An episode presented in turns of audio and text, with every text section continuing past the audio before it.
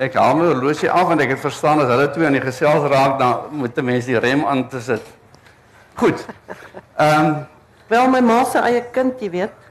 hoe hoe sê? Ek sê my ma se eie kind. Gespreksgenoot. Ja. Goed. Ehm um, kom ons begin net met ehm um, ons kyk hoe die gesprek gaan. Maar ek het gedink, ek weet nie of dit nodig is nie, maar dat ons miskien moet begin deur net kortliks te sê wie was Elise Botha? 20 jaar gelede sou ek nooit so begin het nie, maar mense weet nooit. Dis hy nou miskien moet jy net 'n paar van die groot mylpaal voor ons nou 'n bietjie dieper ingaan, maar wie Elise Botha was vir as daar iemand is wat dit nie weet nie. Ja. Goed, ehm um, ek moet as ek dit nou kronologies moet doen, ehm um, Elise is gebore as as Elise Lindes. Ehm um, Wes van Creersdorp, haar pa was skoolhoof by 'n plaasskool daar op die op die Wesrand. Uh eintlik in in 'n gebied waar waar die mense minder bevoordeel was en sy het baie daaroor gepraat en gesê dit het haar geleer, jy weet, om waardering en deernis te hê vir mense wat nie baie het nie. Uh maar sy was natuurlik 'n slim kind en sy uh het skool gegaan eers daar uh, op op die by die plaasskool en later sy was in Monument Hoërskool baie goed gedoen. Sy het self altyd die mooi staaltjie vertel. Sy sê sy het baie lelik geskryf. En toe sy in standaard 5 was, het die onderwyser vir haar gesê, "Maar jy is 'n slim kind, jy moet mooi skryf." En toe het hy vir haar gesê, "Jy moet nou maak of jy glad nie kan skryf nie, net al van voor af geleer skryf. Sag op en hart af en sag op en hart af." En sy het haar lewe lank graag geskryf met 'n potlood en al die briewe wat hierin is was met die hand geskryf. Nie rekenaarbriewe nie, dit is handgeskrewe briewe. Maar met 'n potlood, né, as ek baie graag sy die briewe met 'n pen geskryf, maar sy het vreeslik graag met 'n potlood geskryf. Ja. ja. Ehm um, sy het gaan sy het kom studeer op Stellenbosch, sy het 'n meestersgraad hier gedoen en begin werk by die Burger as as joernalis. En toe het sy 'n beurs gekry en sy is na Nederland waar sy haar doktorsgraad onder studieleiding van NP van Wyk Lou gedoen het. Ehm um, daarna het sy teruggekom in daardie selfde tyd was was Johan haar man by die Universiteit van Cambridge besig met sy doktorsgraad. Toe sy teruggekom, hulle is getroud, sy het klas gegee by Wits, sy het klas gegee by UP. Nee, sy was eers by Wits, toe by Unisa, toe by UP, toe weer na Unisa toe en sy het later sy het tydskrif van 'n uh, tydskrif vir letterkunde se redakteur geword of redaktrise geword. Ehm um, en sy was dit vir 20 jaar lank. En dit het gemaak dat sy met baie van die skrywers begin korrespondeer het. Sy was in die Afrikaanse letterkunde. Het sy absolute sentrale posisie ingeneem in daardie jare.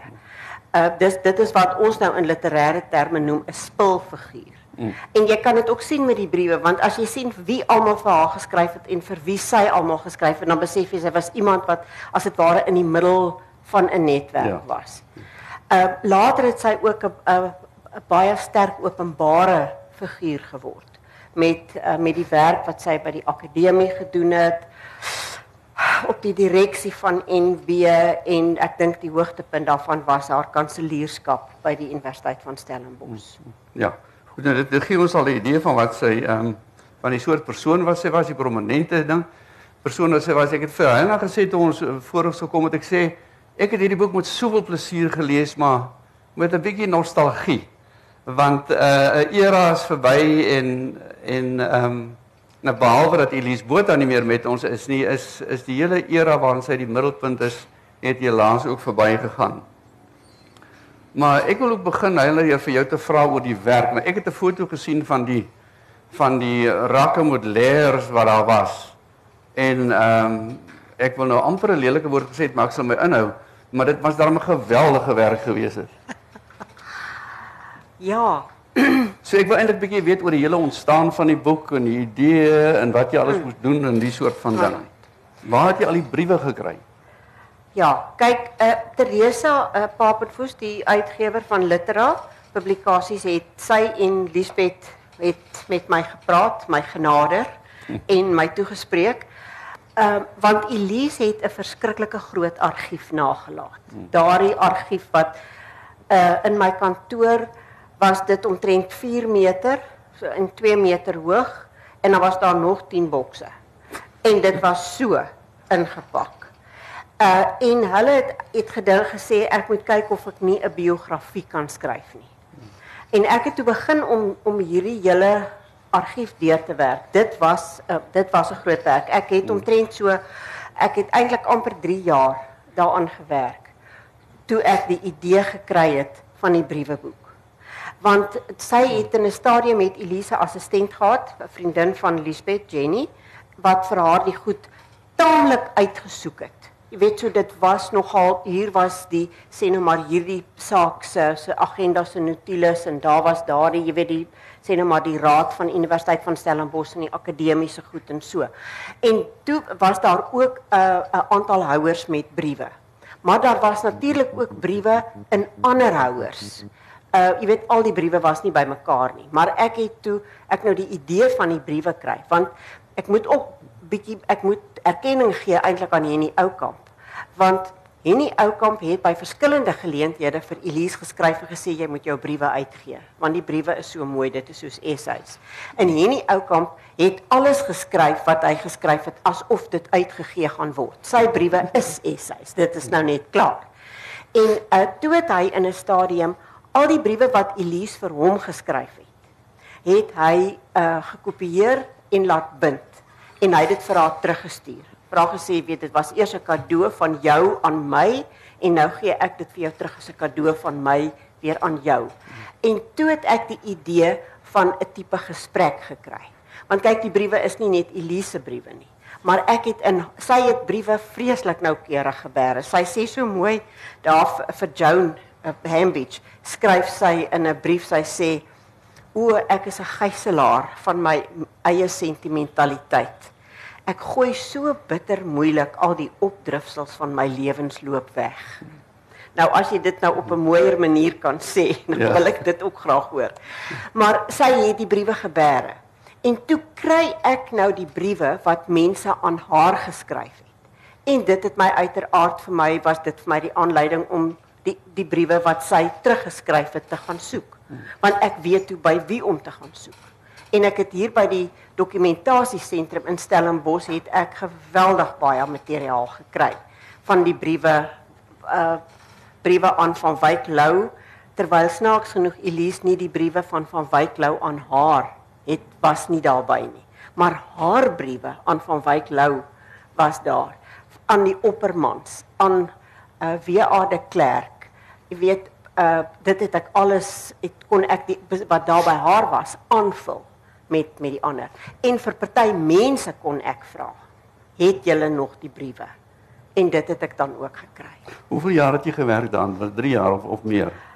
Nee, weet jy ek dit dit was so amper 3 jaar vir die deurgaan van die argief. Maar toe ek nou eers die idee van die brieweboek kry, jy weet, toe dit vinniger gegaan. Ek dink dit was toe seker totdat die manuskrip klaar was, was dit seker so 9 maande.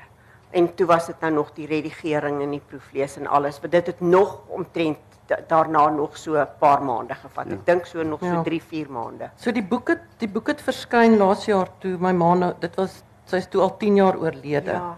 So 'n bietjie konteks te gee aan ehm um, iets nou hierdie wat die woord wat jy gebruik het moerse argief en moerse harde werk. Dis nie ek het glad nie so iets gesê nie. Wat um, Hyona moes gedoen het. Nou ek wil net sê voor Hyona nou daarby uitgekom het. Daai dis nie net ehm um, so Jenny, uh, my lewenslange vriendin en verskeie ander assistente het toe nou alreeds georden aan die goed.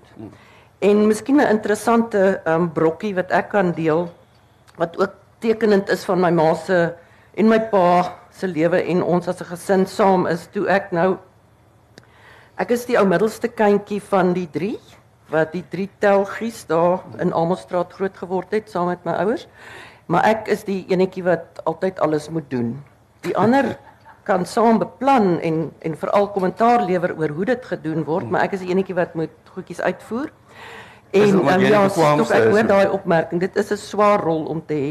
Is dit omdat jy die bekwaamste is of uh, die sagste is? Mm, nee, um, my my klein sussie se ekskoolhoof sit hier, Louisa Venter. Ek sal nie so ver gaan nie. Maar um uh nee, ek dink dit is maar net omdat ek die doener is, maar ek het so dit het op my geval om daai hele estate van my ouers waar ons ons het 3 my toe my pa oorlede is, het ons 43 jaar in daai huis gewoon in Almostraat. En synde die ingenieur wat ek was toe ek nou die omvang van die taak beskou, toe besef ek ek moet eers bietjie beplanning doen om te sien hoe lank dit my gaan vat om hierdie spulletjie opgeruim te kry en uitgesorteer te kry tot op 'n punt, né? En toe besluit toe ek nou die boek boekrakke so kyk, toe sien ek daar's die grootste moeilikheid. Toe meet ek die boekrak spasie en dit was 115 meter se boekrak spasie. Nou dink aan 'n groot boekrak met 6 rakke as hulle 'n meter lank as dit 'n meter breed is, is maar 6. Maak die deelsom, dan weet julle wat was die omvang net van die boeke probleem. Never mind die papiere en al daai bokse Ja, wat jy gekry het, want daar was nie eens 'n Daar daar was nie 'n boek by nie, Nee, né? daar was nie boeke by nie. So die boeke, maar die boeke was in in ek bedoel ons praat nou oor my ma, boeke mens en dit het eintlik al hele lewe dink ek tot mense en boeke. Daai en boeke mens wat sy dan was, ehm um, het is waaroor haar lewe gegaan het. En ehm um, daai boeke, die boek die boeke was redelik in versamelings uitgesorteer deur my ma en haar assistente. Ek dink nou tussendeur al die geselsies en die koppietjies tee wat hulle seker geniet het. As Jonah was, was daar seker iets anders. Ehm um, maar dit was redelik uitgesorteer in Afrikaanse fiksie, Engelse fiksie, non-fiksie, drama, jy weet poësie, mm. geskiedenis, filosofie, so aan en so aan en so aan, maar nogtans daai die formidable taak van wat om met daai boeke te doen is ehm um, ja, die 115 meter boeke as jy hulle so sit, nie so nie, so. Ja. Ehm um, dit was nogal quite something en daai in die en daai ehm um, gijslaar van haar senta- sentimentaliteit het natuurlik geweldige dimensies aangeneem. Dis nie net boeke en papiere nie, maar duisende ander ook. word. Daar was onder andere in die garage was die ses ehm um, uh wat noem mense die kratte of ehm um, ko, maar nie koffers nie, hierdie groot uh, wat noem mense wat is die regte woord? Ek weet nou nie. Ehm um, ja, sulke kratte waarin al die goeders wat al die klasnotas, die brosjures, die ehm um, uh ek weet nie wat alles nie. Al die van die van die ehm um, reis, die staptogte, die museums wat hulle besoek het, die goeders wat hulle gedoen het daar in my pa en my ma in, Am- in Amsterdam en ehm um, en in Engeland en die res van Europa saam met ehm um, weet Elmarie se maandpa die van die kerk so ehm um, en allerlei ander mense en saam en reise en briewe wat hulle gekry het van ehm um, hulle hulle familie van van hier af. Dit was alles nog in daai in daai kratte verpak Ja, ja. wat in die vroeë 50s op die skip teruggekom het van ehm um, Van van Europa. Af. Dit was net so daar in die nog onuitgepak want dit was die ander ding. My ma was so besig om te lewe dat sy glad nie uitgekom het by al die administrasie Ja. en Ja. al die ehm um, jy weet opruim en so aan nie. Want dis die lewe nie. Nee, nee nee, dis dis iets wat nie wat dit is terugskouend en op 'n op 'n jy weet vervelige manier eintlik dink ek om om om daai goed te probeer uitsorteer. Die die rykheid van hulle lewe. Ek dink hulle lewens was so vol dat hulle nou nooit daarbey uitgekom Ja, het nie. Jy weet, want ja. daar was elke oomblik iets meer interessant om te doen. Toe los hulle dit nou vir ons om uit te sorteer. Um maar maar ek moet sê die reis deur daai die sogenaamde reis vir my en my um jy weet familielede om al deur daai dekades van my ouers se nalatenskap te werk was natuurlik geweldige emosionele ervaring. En dit het gewissel van algehele woede en moedeloosheid dat dit alles oor my pad gekom het toe toe die ongelooflike waardering en jy weet die die hoe amazing dit was om 'n ma soos uh, soos myne te gehad het. En ek dink dit is ook iets wat mense in die boek um is iets van die goed wat die boek die vir my die wonderlikste maak is dit gee beeld. Dit wat mense met haar deel in hierdie boek Ja. En ook natuurlik wat sy terugdeel. Dit gee vir jou die beeld van 'n mens wat ek dink absoluut uniek is. Da, Ja, da, ek weet daar's nie grade van uniekheid nie. My pa het altyd my geraas. Dis nie absoluut Nee. uniek nie, uniek. Ja. Um as ek so onnoukeurig praat. besonder uniek. Ja, nie besonder uniek. nie.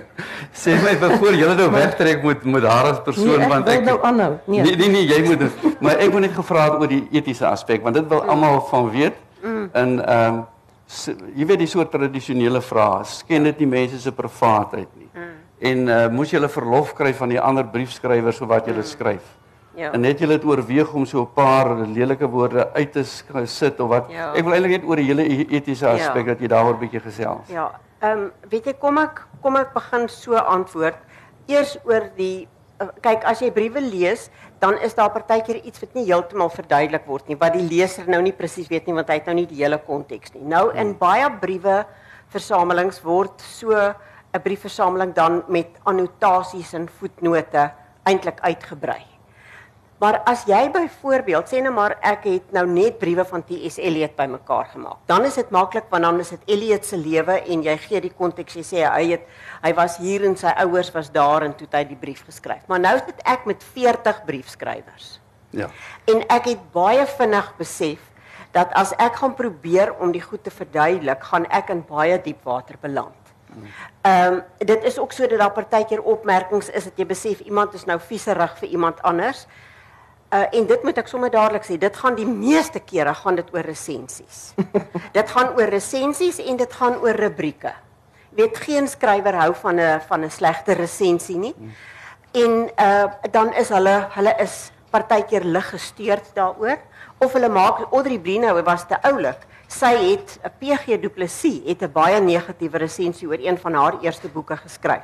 En dan gee sy dit Wie is dit? Ek Audrey Brino. Ja ja. En toe het sy dit in 'n brief vir Elise geskryf as, as 'n dialoog. So 'n dialoog tussen haar broer. Wat haar broer sê, "Maar wie is hierdie man? Ek wil hom gaan slaan." Jy weet, en sy sê, "Maar 'n mens moet Ek glo resensies nie Audrey sou skryf." die woord slaan gebruik. Nee, sy nie. sy het- nee, hy die haar broer het gesê, "Ek gaan hom donder." Jy weet, so dit was nou net gewoon so. En en het, sy hanteer dit op op die manier. Henny Oukamp het jy weet amper net stil ingekrimp, jy weet. En Koos Human wat 'n uitgewer was, sê in geen onsekere terme nie sê hy wat hy van 'n bepaalde resensent gedink het. Ek dink nie, miskien Chris is jy dapper om daardie woorde te sê, want hy sê hierdie ou is 'n dit om die waarheid te sê, hy is 'n dom dit. Jy weet so. Daar's seker geen alliterasie daar ter sprake. Daar daar is nie. definitief alliterasie daar. so, maar nou moet ek in die eerste moet ek ook vooraf sê, daar was geen groot geheime in hierdie briewe nie. Elise was nie 'n mens van konkelarye nie. Mm. Jy weet regtig nie. Mm. Sy en en sy sou nie goed skryf wat iemand te nakom nie. Weet jy en wat wat ook iets is wat mense dan eintlik van haar kan sê is die mense wat vir haar geskryf het ook nie. Ja, maar hulle het geweet hulle moenie oor 'n sekere lyn. Mense het altyd met Precies. jou ma, met my ma geweet jy moenie. Sy doen dit nie met Ja, ander mense ja. nie. So jy het altyd jouself gecheck Ja. voordat jy te ver gaan om Ja. ander mense te kritiseer of om Ja. lelike goedjies oor Ja, hulle te sê. sy het nooit so. haar waardigheid prysgegee nie, Ja. maar dit het as dit ware 'n uitstraling gemaak vir die mense wat vir haar omskryf. Maar ons was versigtig. Ek het vir al die mense wat lewe toestemming gevra. Ek moet ook baie duidelik by sê, die briewe wat ek in die dokumentasiesentrum gekry het, het die mense my daar verseker daar is geen embargo op daai briewe nie. En as iets in 'n navorsingsentrum is en daar is nie 'n embargo op nie, dan mag jy dit gebruik. Ja. En wat die- oulik is al nou, ehm um, is dit uh uh man, wie sê die sanger wat aan die O, einde Koos Kombuis. Ja, Koos Kombuis. O, ja, het daar eksplisiet gesê ehm um, maar dis nie vir publikasie nie, Ja. maar toe jy hom vra, toe sê ag nee, wat dis so lank gelede Ja, en dit het is nou hom dis ek het nou die, alles ek het vir hom die brief gestuur. Ek het die brief afgetik en ek het hom vir hom gestuur en vir hom gesê, jy het hierdie brief geskryf in 1986 na die skrywersgilde in in in Windhoek. En hy hy skryf hy sê hy moes eers 'n paar dae daar agterbly na die skrywersgilde want hy het so 'n moerse fight gehad met professor Kannemeyer. Hy moes eers daarvan herstel. En uh en dan skryf hy nou dit is dit dit is 'n totaal unieke brief. Maar wat dan ook so wonderlik is, is dat so hy was toe 'n jong skrywer dat hy dit vir Elise skryf, dat hy daai vrymoedigheid het om hierdie brief vir haar te skryf. Ja. Toe stuur ek 'n brief vir hom en ek sê vir hom, weet jy, dis 30 jaar gelede. Jy het bo aangeskryf nie nie vir publikasie nie. Toe sê hy nee man, publiseer dit. Ja. Toe sit ek bo aan, nie vir publikasie nie en ek publiseer dit. Want ek weet dit is wonderlik. Ja. Dit is dit is ongelooflike historiese feite. Maar oor die toestemming, weet jy, het ek ek het van lysies afgewerk, maar weet jy in daardie ehm um, uh, in die Februarie maand, voor ons ek het Junie maand was die manuskrip klaar, maar in daai Februarie maand het hulle by ons huis ingebreek en hulle het al die rekenaars gesteel Liewe mag nie. al die rekenaars gesteel. Die goed wat in daardie stadium al oorgetik was, was nou in Dropbox. Hulle is nou sommer in Dropbox en in Google Drive. Jy weet, ek is nou soos 'n ou wat kruisbande en 'n bel dra. Ehm um, en en maar van die uh, fotomateriaal want ek het die briewe afgeneem. Jy weet ons het dit nou van sulke mense maak nie meer fotokopieë nie, jy neem foto's daarvan. Uh een van die goed was weg. Weet jy, en toe het ek 'n bietjie geskarrel want toe besef ek die tyd loop uit en ek Dis dit dit, dis dit was nogal 'n bietjie van 'n terugslag. Weet jy, en ek dink in daai Harvard tyd het ek een skrywer oorgeslaan om te vra. Ek het een skrywer oorgeslaan om te vra. Dit Toe dit is- mamma het dis- weer vriendelik geraak. Ja, nee, hy was eers en hy hy was hy was onthut. Hy was nie kwaad nie en ek het met hom ek het met hom gepraat en vir hom verduidelik wie ek kan dit nie verstaan nie en ek het agterna teruggegaan, jy weet, en weer daai lysies gecheck en so waar ek het, maar dis een brief ook waaroor dit gaan, jy weet. Mhm. En hy het ook gesê ja, maar nou het hy nie meer dieselfde standpunte nie. Maar nou wat daarvoor Nou het hy nie meer wat nie?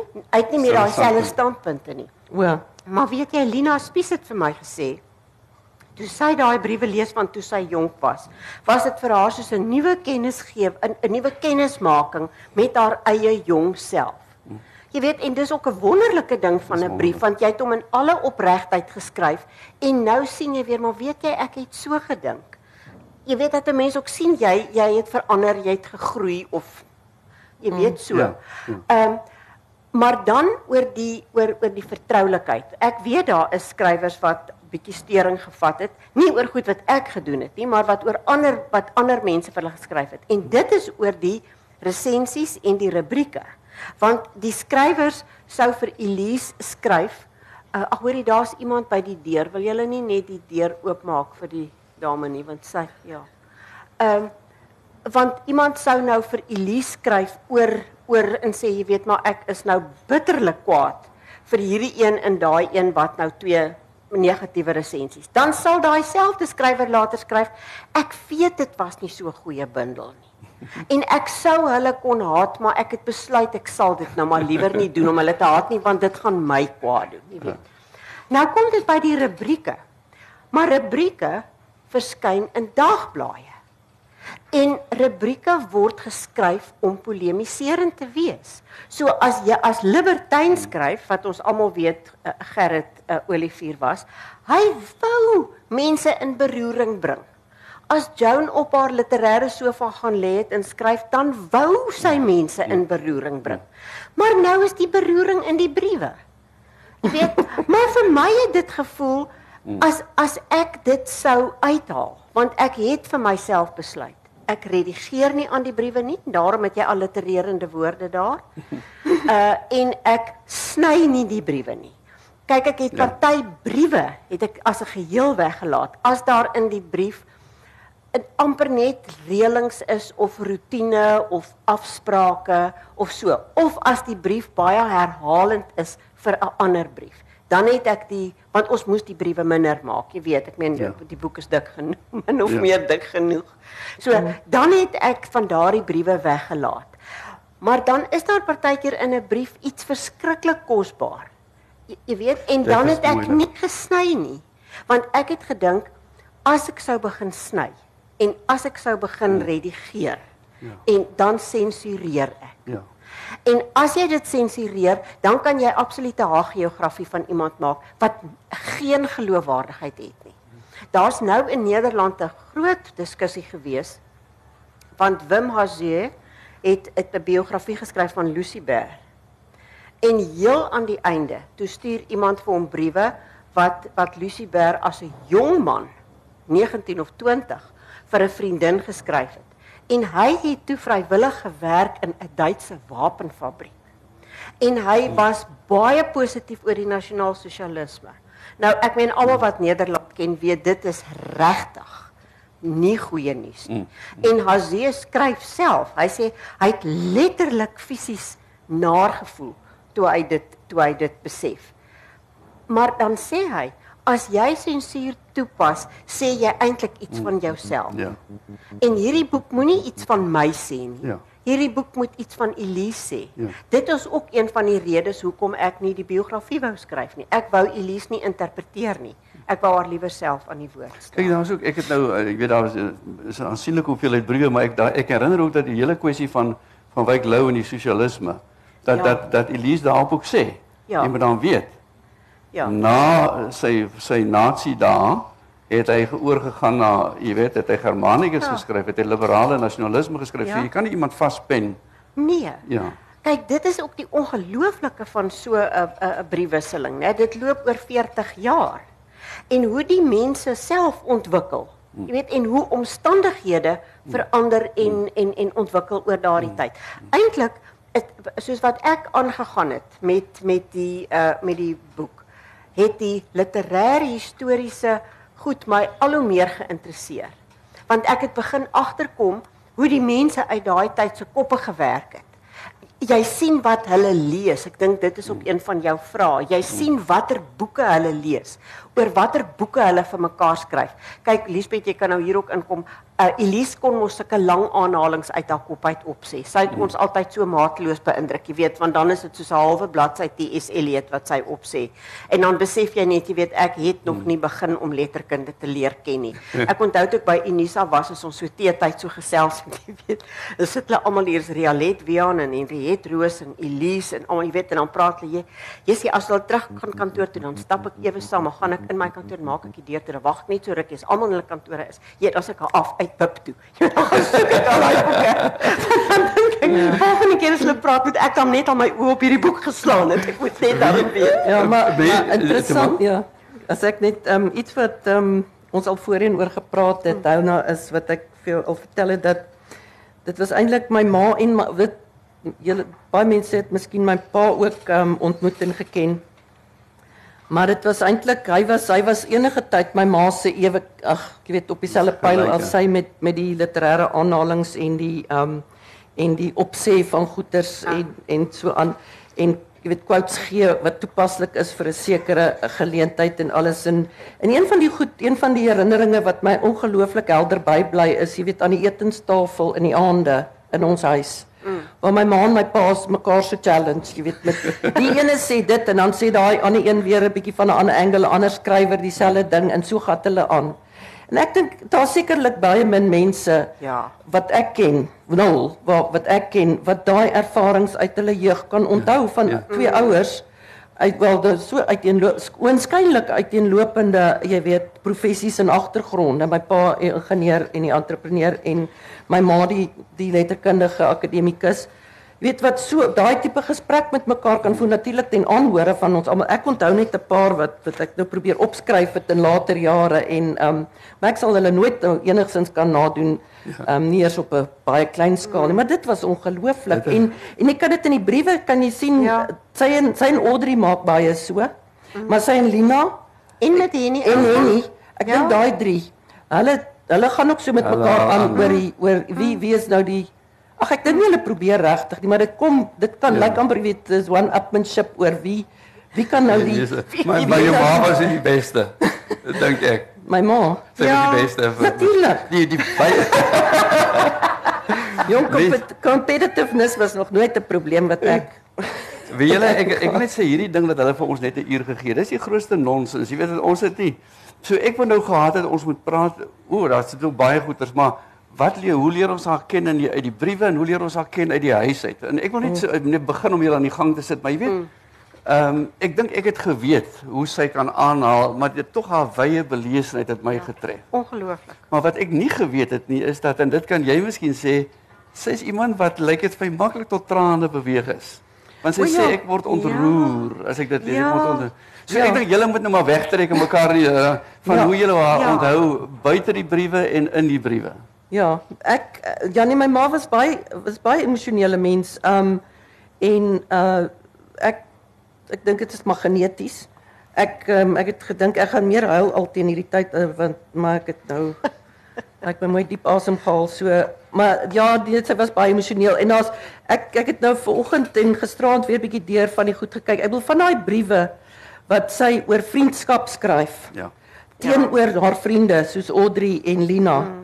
Jy weet on- onmiddellik as ek en, en dan hoe sy skryf oor ehm um, hoe want eh, een van die goed wat mens wat mens duidelik in die briewe sien wat jy ook sou kon agterkom deur met haar te doen te hê is hoe sy 'n lewe van dankbaarheid klink nou sappie maar hoe sy 'n lewe van dankbaarheid gelei het en hoe die eenvoudige goed wat sy ervaar haar bewoe maak van van dankbaarheid oor oor wat sy ervaar en wat die lewe vir haar uiteindelik gegee het. Ja.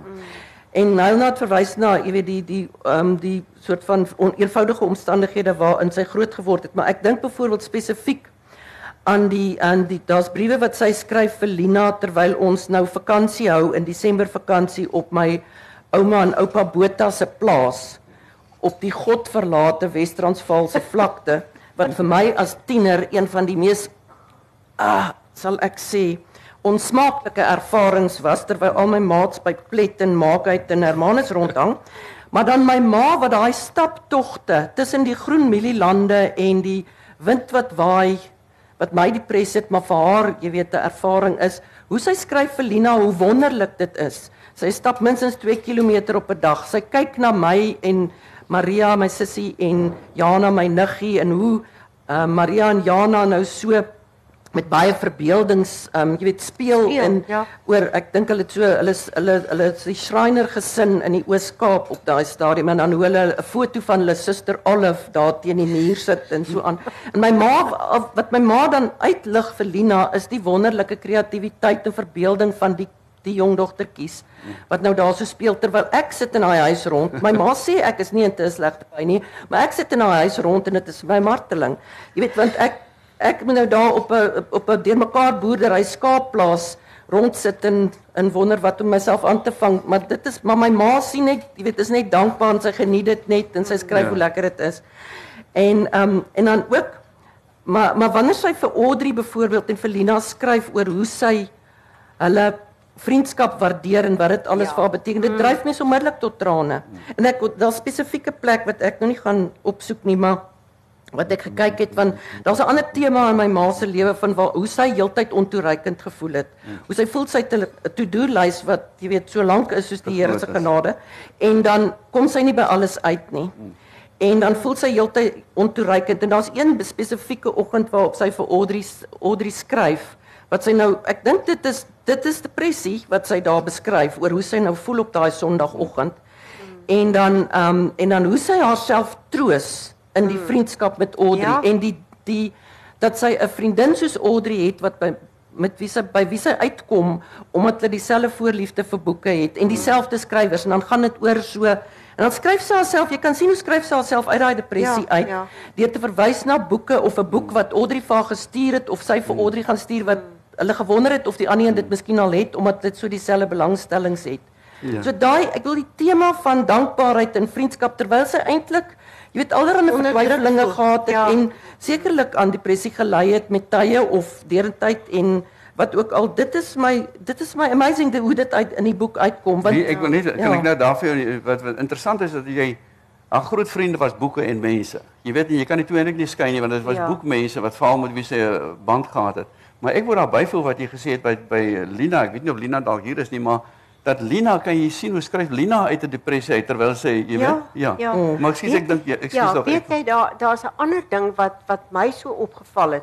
As jy nou die briewe, jy, ek het nou uiteraard 'n klomp keer hier deur gegaan, maar weet jy dat sy ber, dat sy bereid was om vir iemand anders te wees wat daardie ander persoon nodig het. Ja. Sy sê dit. En dan voel sy goed.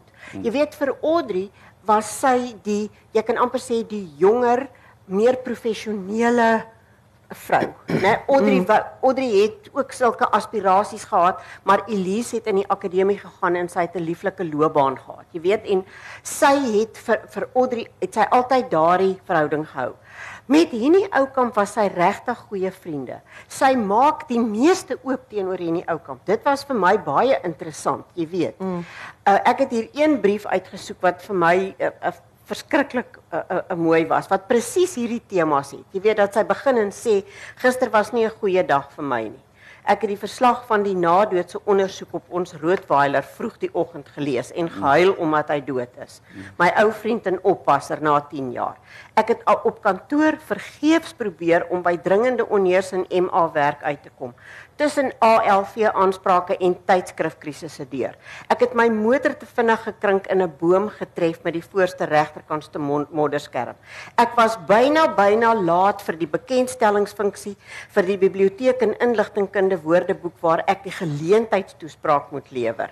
Weet jy watter ekwivalent het Karel Skooman vir 'n penny horrible bedink? Grieselsnert. weet dit soms so tussendeur. Weet jy en dan gaan sy nou nog aan so oor hoe besig sy is en hoe bedrywig alles is. En dan dan sê sy later ehm uh, ja, hier sê sy wag ek hier kom. Nou dan verwys sy na moeder Pauline uit 1946 dan sê sy word ek reddeloser sentimenteel soos ek eintlik maar altyd was maar ek hoop in die goeie Franse sin van die woord as ek na liefde soek, na geesdrif in die wyse waarop my jonger kollegas met die literatuur met geestesgoedere werk. Dis nou ons daai, hoor, toe ons nou toe ons almal uh, teoretiese hipertrofie gehad het. Ja. Ehm um, goed, en dan sê sy sy sit nou op die kongresse in die goed, net hier en daar flikker dit vir my op. Akademiese uitnemendheid en integriteit gepaard met liefde en geesdrif. Hmm. En dan haal sy aan uit daai moeder Pauline waar die waar 'n karakter uh, Lambertus Bredenhand sê, 'n mens kan jou aard nie verander nie. Uh sê Lambertus Bredenhand as hy met plesier sy werk doen. Lees tog weer 'n keer die stuk oor die herstel van die huisorgel. Kyk hoe sê die meester, ek het gisteraand nie gedink jy dat jy alles weer op sy plek sal kan terugsit nie. Dit het die plek vol gelê. Dan skryf Elise sê, ek gaan ook maar aan al lyk ek vir my wyse jong kollegas soos 'n doder. How I do run on. Ek laat my ja, goed, dan gaan sy dan sê sy van offer gepraat. Nou die dag by die soveelste seminar sê 'n Engels klinkende vrou vir my: "Moet ons nie maar gewillig wees om Afrikaans te offer soos Abraham gewillig was om Isak te offer nie?" Ek antwoord: "Mag ek vergewe word?" Mevrou, Dis nie myne of onsin om te offer nie. En ek het bytendien nog niks van die liewe neer gehoor in die verband nie. ek moet nog by jy kon bygesê het, maar Abraham het vir Isak teruggekry. Ja, dis reg, die Here het hom teruggegee. Ja. Uh, en dan dan dan sê sy, jy weet, Jenny skryf vir haar, sy is soos Bart Nel, sy is nog hy. Dan sê sy, weet sy het al baie gewonder, is sy nog sy? Hmm. En hoe goed doen dit haar? En dan sluit sy die brief af om te sê, het my boodskap duidelik deurgekom dat deur jou brief my dag goed geword het. Hmm. Ja. Jy weet? Ja, ek dink en en hoe ek daai daai ding daai ding van my ma sal verwoord wat die eienskap wat jy nou skryf dit is baie eenvoudig en ek dink baie van julle wat in die gehoor sit wat wat haar geken het en met haar ooit gepraat het, sou dit ervaar het. Dit maak nie saak hoe belangrik, onbelangrik, hoe naby of hoe ver jy van haar is nie, was nie. Ehm um, sy het jou altyd laat spesiaal voel. Ja, absoluut. Terwyl sy altyd in my oë die spesiale een was. En ek het dit ek het gelukkig die insig gehad om haar uh, om dit vir haar te sê. Ehm um, toe terwyl sy nog gelewe het, want ek het dit ek het dit begin agterkom deur die jare oor net wat 'n spesiale mense is oor daai spesifieke eienskap sodat sy elkeen met wie sy te doen ge, gekry het spesiaal laat voel het en nie op 'n soort van 'n so uh, jy weet 'n 'n oppervlakkige nee. manier nie. Sy het mense se name onthou. Ja. Sy het mense se konteks onthou en ja. waaroor sy met hulle praat en en wat vir hulle belangrik is. Alles in een.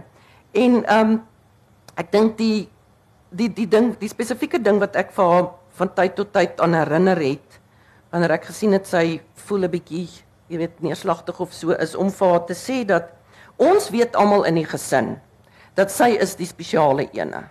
Jy weet wat wanneer dit kom by menseverhoudings en jy weet sommer 'n volledige mens wees. Maar sy het elkeen van ons kindertjies laat voel ons is nou die grootste.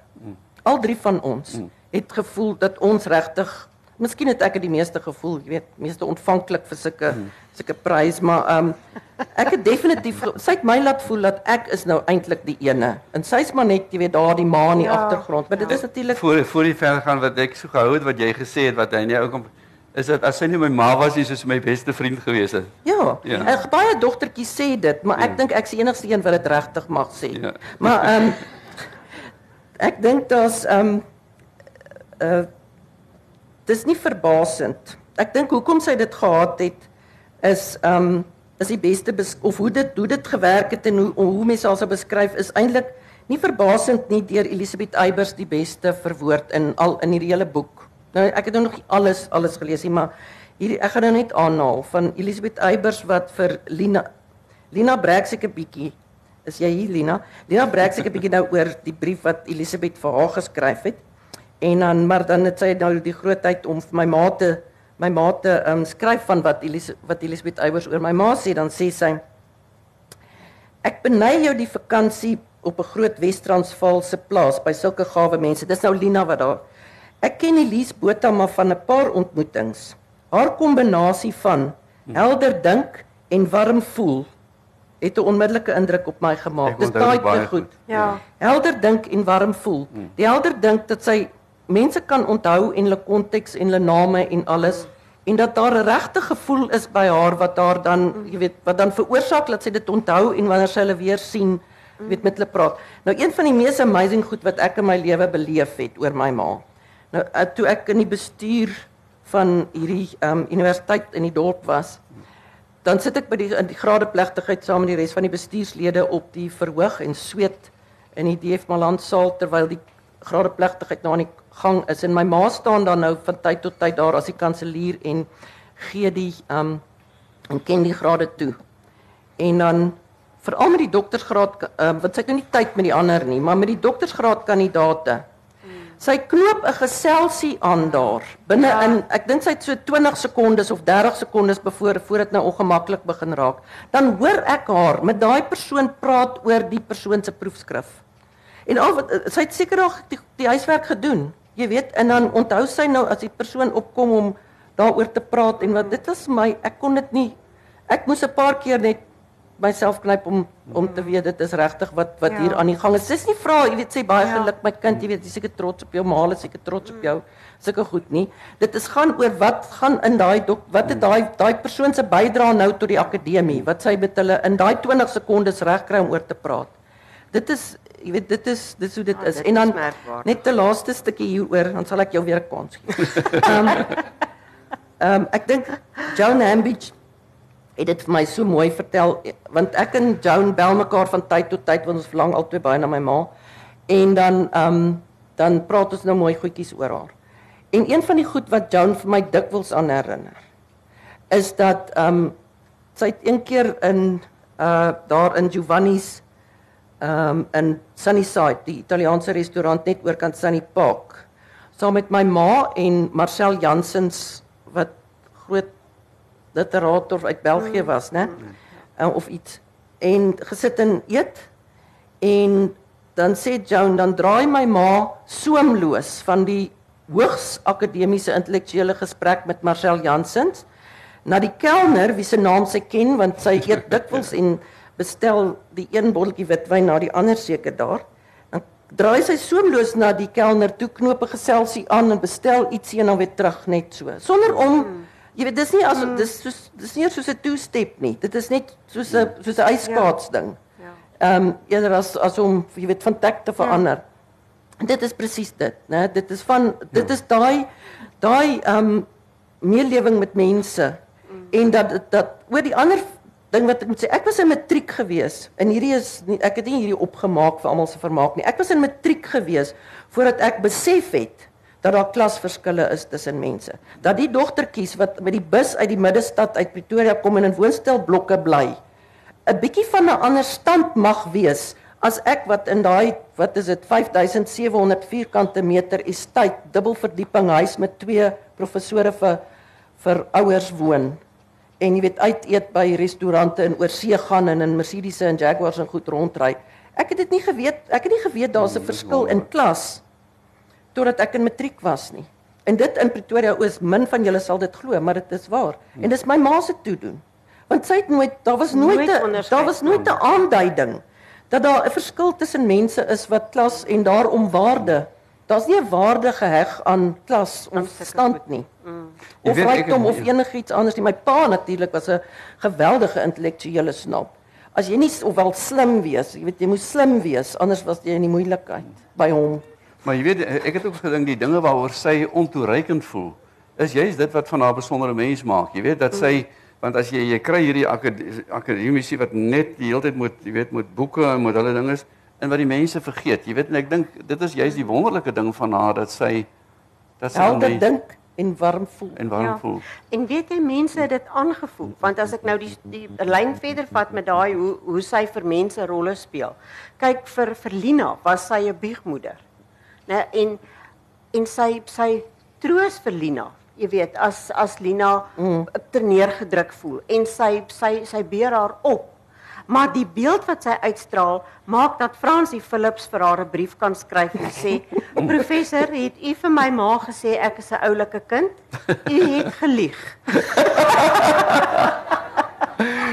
Jy weet, want want daai mense weet, hulle kan vra skryf.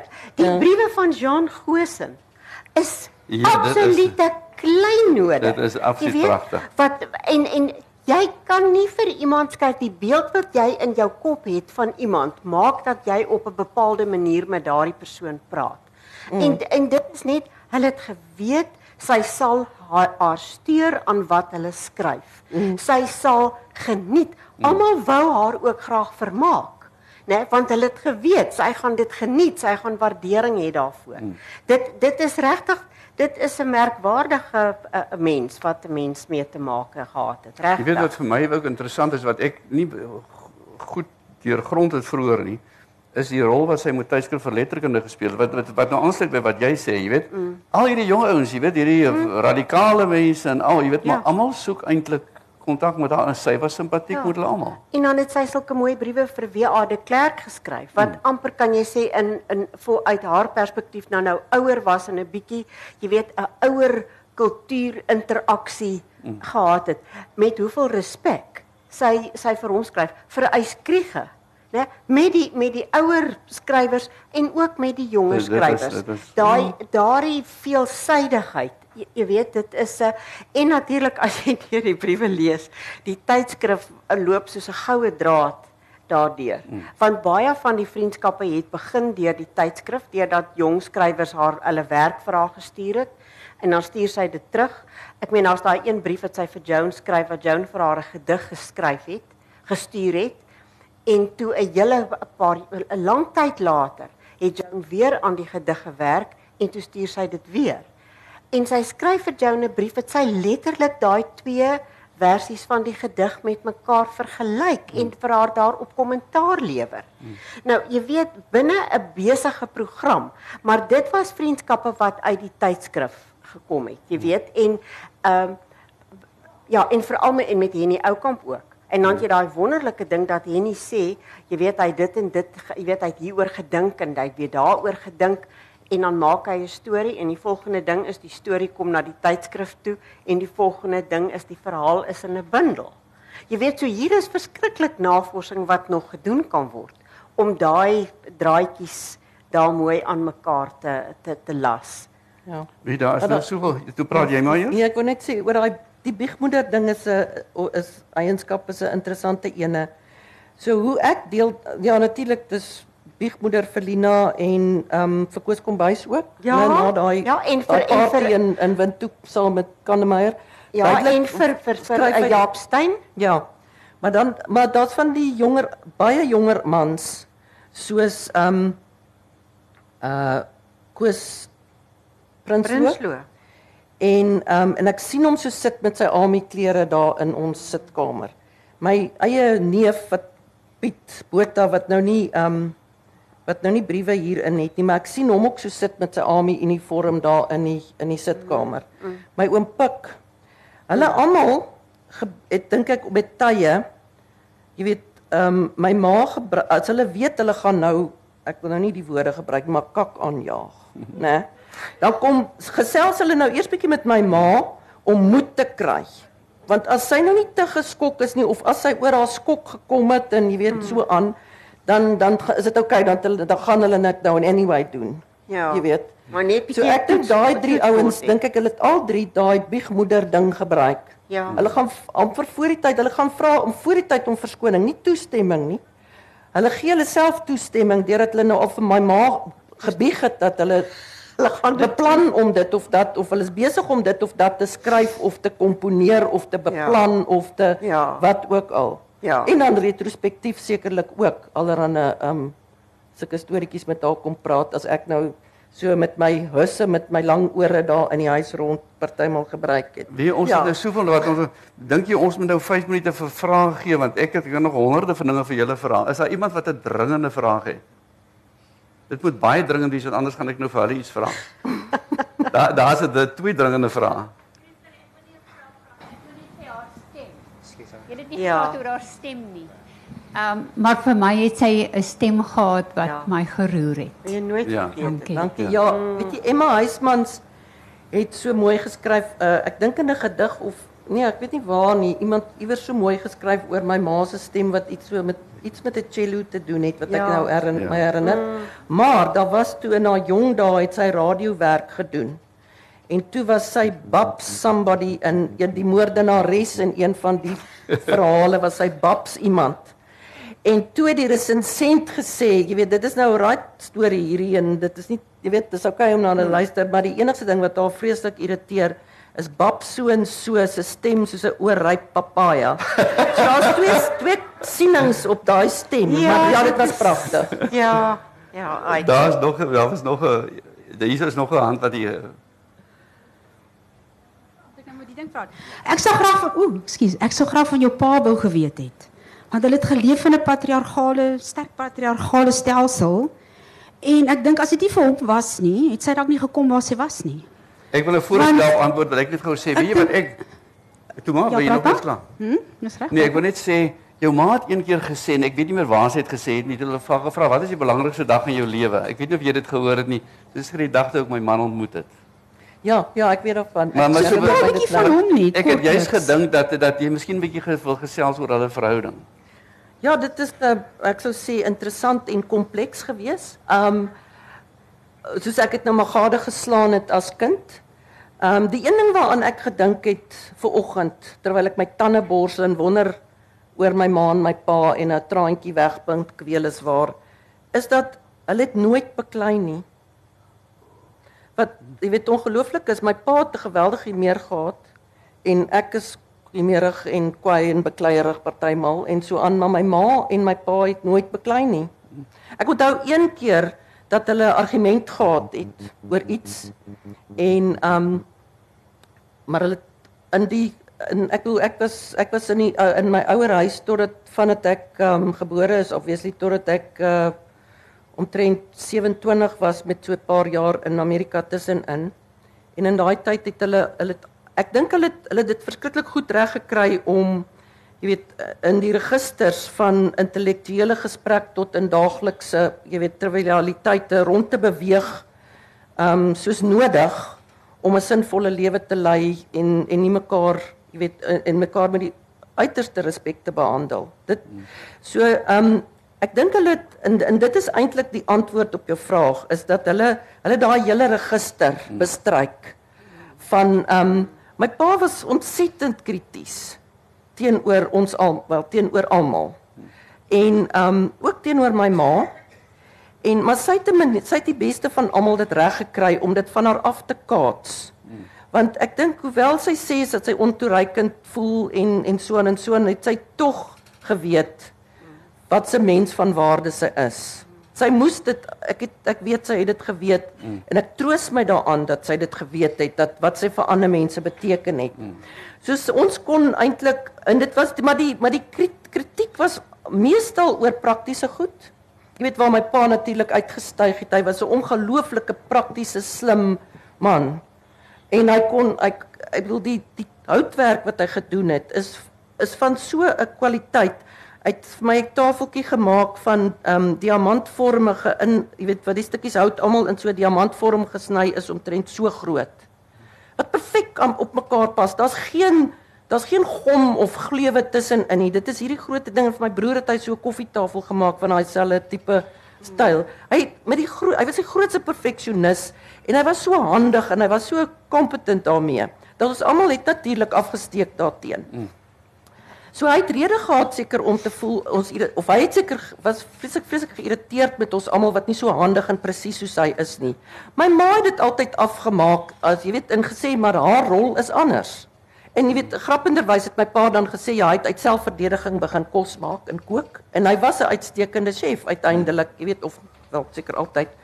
Maar ek onthou hy, hoe fantastiese disse het hy voorberei, jy weet op ehm um, beestert en afval op ker, ou Kersaand en Kersdag en al die wonderlike bredies en en curries en goed wat hy in in Cambridge leer maak het. En my ma het my ma het so 'n literêre boekie gehad, ehm um, Elizabeth David se kookboek. Waaruit sy min of meer so klein penguin boekie wat so geel was, waaruit sy 'n 'n Welsh rarebit kon maak. Sy kon fantastiese Spaanse omelet maak, maar sy mag nie pepers gebruik het met ek haar die goed. En dan jy weet sy sy het ongelooflike ongelooflike maniere gevind om my pa in sy kritiek te counter ja. en dan eintlik 'n interessante ding daarvan te maak. Te maak. Ja. En jy weet die huishouding, ag maar so maar sy het dit vreeslik geniet. Sy het vir my eendag kan ek maar 'n storie vertel wat sy eendag vir my vertel het. Sy sê hulle het al die aand gaan lê, maar julle was toe nou sulke groot kinders, jy weet studente. En julle het onder in die huis gekuier. En toe uh, het jou pa nie lekker gevoel nie en sy moet vir hom toe nou iets gaan haal sê net maar jy weet 'n hoofpynpoeier of uh, of iets ek weet nie eers wat wat maar toe het hulle nou al slaapklere aan. En sy trek toe nou maar eers weer 'n rok aan jy weet en trek skoene aan. Weet trek haar nou heeltemal aan want sy kan nie met nagklere of 'n kamerjas nou hier tussen die klomp kinders wat kuier met al hulle vriende nie. En toe het hy later so vra gesê gaan jy nie nou 'n hoed ook opsit nie. maar weet jy sy het so gelag. Sy het dit so geniet, jy weet. Ja. So ek dink die ander ding is miskien oor doen ek dit nou maar ek dink die ding wat hulle regtig in gemeen gehad het is uh, jy weet the good life. Hulle het geweet hmm. hoe om hoe om die lewe te geniet met kos en wyn en geselskap. En nou lees jy lees hier en daar in die briewe wat ek kan nie onthou vir wie en wat sy dit skryf van hoe my hoe sy skryf hoe my pa vars asperges gebring het en dit gaar gemaak het saam met 'n hardgekookte eier. Nou ek bedoel dit is 'n dit is net eenvoudige goeders maar tog spesiaal wat hulle vir mekaar gedoen het en en musiek wat sy vir hom gespeel het byvoorbeeld in die aande as hulle saam sit en eet. Ek dink hulle het dit ek, die meeste van ons dink ek jy weet lewe so besig en whatever dat jy jy beklei oor goed wat jou waar, waar jy skil en jy maak nie tyd vir die goed nie, maar hmm. hulle het dit reg gekry. Deur deur hulle besige lewens om nie daai goeters te te vergeet of of om dit hmm. by hulle te laat verbygaan nie. En hulle dit soos ek dink iemand het ook gesê, hulle het dit regtig besonder baie herontdek teen die tyd wat my pa, jy weet, af, my pa was al vroeg afgetree op omtrent 63 En my ma het nog aangegaan met haar program. Sy het afgetree by Unisa, maar sy het nog 'n vreeslike program gehad met die kanselierskap in die akademie en ek weet nie wat alles nog nie. En alreeds goed waar sy betrokke was. Maar sy het dan natuurlik darm bietjie begin afskaal en dan ont ek onthou hulle so by die kombuistafel sit en dan het my jy weet die swakste kwaliteit ou CD spelertjie daar op die mikrogolf oond waar my ma hierdie wonderlike CD's vir my pa speel van operas en sangers wat sy nou in, op haar laaste reis oor see gekoop het of wat van haar vriende vir haar gestuur het wat hmm. met wie sy want dis die ander ding wat sy 'n ongelooflike kennis en waardering vir musiek gehad. Ja. Ja. So hulle het ek dink baie problematies aan die een kant, maar my pa het haar toegelaat in 'n in 'n weliswaar patriargale era om totaal en al haar gang te gaan en haar, haar ding te doen. Die oulik maar daai wat sy gesê die die dag toe sy haar man ontmoet het was nou die belangrikste dag van haar lewe. Sy het ook sy mense dink sy maak 'n grap, maar sy was ernstig dat sy het Amsterdam toe gegaan om my so sy dit gestel het my pa agterna te sit. Want sy het hom ontmoet hier op Stellenbosch nie lank voordat hy die beurs gekry het om sy PhD in in Cambridge te gaan doen nie. En sy was toe 'n joernalis by die Burger en dit was besig met haar MA graad en sy wou net nie gehad het hy moet wegkom nie. Ja. Ja. En daar gaan sy toe, kry sy ja. ook 'n beurs en daar gaan sy toe en sy het hom toe daar in die hande gekry. Hoorie, dis nou 1 uur moet ons nou seker ophou. Ek dink so. Maar ek maar, mag ek net een vinnige ding sê dat ehm um, dat ehm um, dat ek nou vergeet het wat ek wou sê.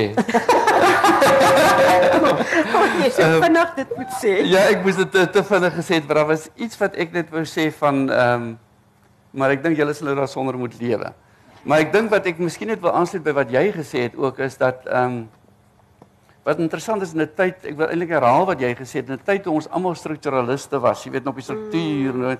mm. het sy belang gestel in wat wil die mense sê en dit, en dit is die dinge ja, waarmee sy ja. geworstel het en wat sy ja. deurgewerk het. Jy weet, ja. sy het daar ek wil amper sê sy het haar menslikheid behou ja. in haar in haar literatuurstudie wat ons ja. in een stadium bietjie verloor het. Ons het bietjie verloor.